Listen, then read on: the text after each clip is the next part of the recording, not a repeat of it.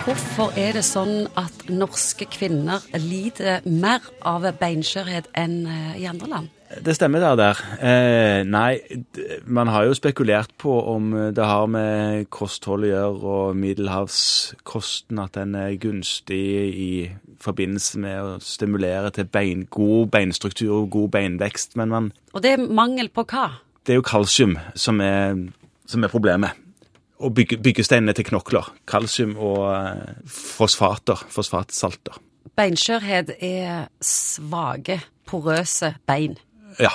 Knokler. Mm. Hvordan vet vi om vi har det? Det vet man jo egentlig ikke før man eventuelt knekker bein titt og ofte, selv med lite traume. Sant? Om du trør over og istedenfor bare å trø over, knekker noe i ankelen, eller at du faller på glatte, og hver gang du gjør det, så skal du enten brekke håndleddet eller hoftekammen eller et eller annet sånt som vanligvis ikke knekker. Da har, et, da har du et, problem. Men du kan ha beinskjørhet uten at du knekker bein òg. Men den vet du ikke om før du har gått til legen og fått et røntgenbilde som måler beintettheten, for det går an. Jeg har aldri lest om en mann som har fått eh, beinskjørhet. Kan en mann få det, eller er det bare ja, det at det er så man, typisk med kvinner? Det stemmer det. Eh, mann eh, en mann kan få beinskjørhet, men det er mest typisk for kvinner. Det er helt sant. Og mest kvinner etter det som heter menopausen, altså at man er ferdig med menstruasjonssyklusene sine. Og så ligger de på sykehus med knekt lårhals? Ja, plutselig. Altså, poenget er det at de, dette østrogenet som man har når man har menstruasjonssyklus, det er med på å hemme nedbrytningen av ben. Så når man mister østrogenproduksjonen sin, da blir det mer nedbrytning i forhold til oppbygging av knokkel. Da blir beinmassen nedbrutt. Hvordan ligger det an med beinstrukturen til norske kvinner?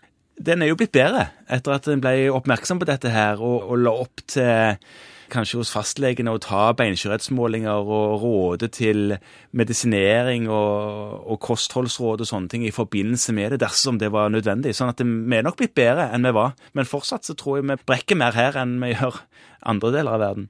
Det er så rart egentlig med tanke på hvor dyrt det er å brekke bein. Er det så enkelt som du sier? En kalsiumtablett? Nei, nei, det er ikke så enkelt. Det, det, er, mer, det er, litt sånn mer enn det. Ja, Forklar hvordan. Hvorfor skjer dette så, i så stort omfang? Nei, men Man vet ikke helt. Man har, man har, ingen sånn kjempegod forklaring på det. For hadde det bare vært kalsium, så hadde man jo, eh, hadde man jo blanda dette her inn i uh, all melk. Altså, Melk har jo kalsium i seg, sant? men noen melkesorter har òg D-vitamin i seg. For D-vitamin er òg viktig her i denne prosessen i beinoppbygning.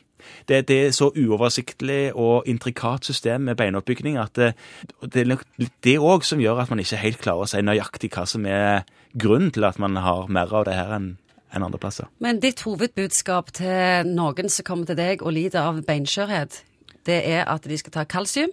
Ja, og så, og så kan det være at de skal ha andre typer medisiner og reseptbelagte medisiner som er med på å bremse nedbrytningen av knokkelmasse. Men det en hovedsakelig kan gjøre på egen hånd? I forskning viser at man bør være, egentlig tenke på dette her før man har det som problem. Altså Man burde ta og drikke melken sin eller ta kalsiumen sin allerede i puberteten, på en måte, og kanskje fra barndommen av. At man må være føre var på disse tingene og legge opp til en god beinstruktur senere i livet allerede tidlig. Som foreldre så burde man kanskje tenke den tanken for barna sine allerede. Det er så mye å tenke på. Det er himla mye å tenke på.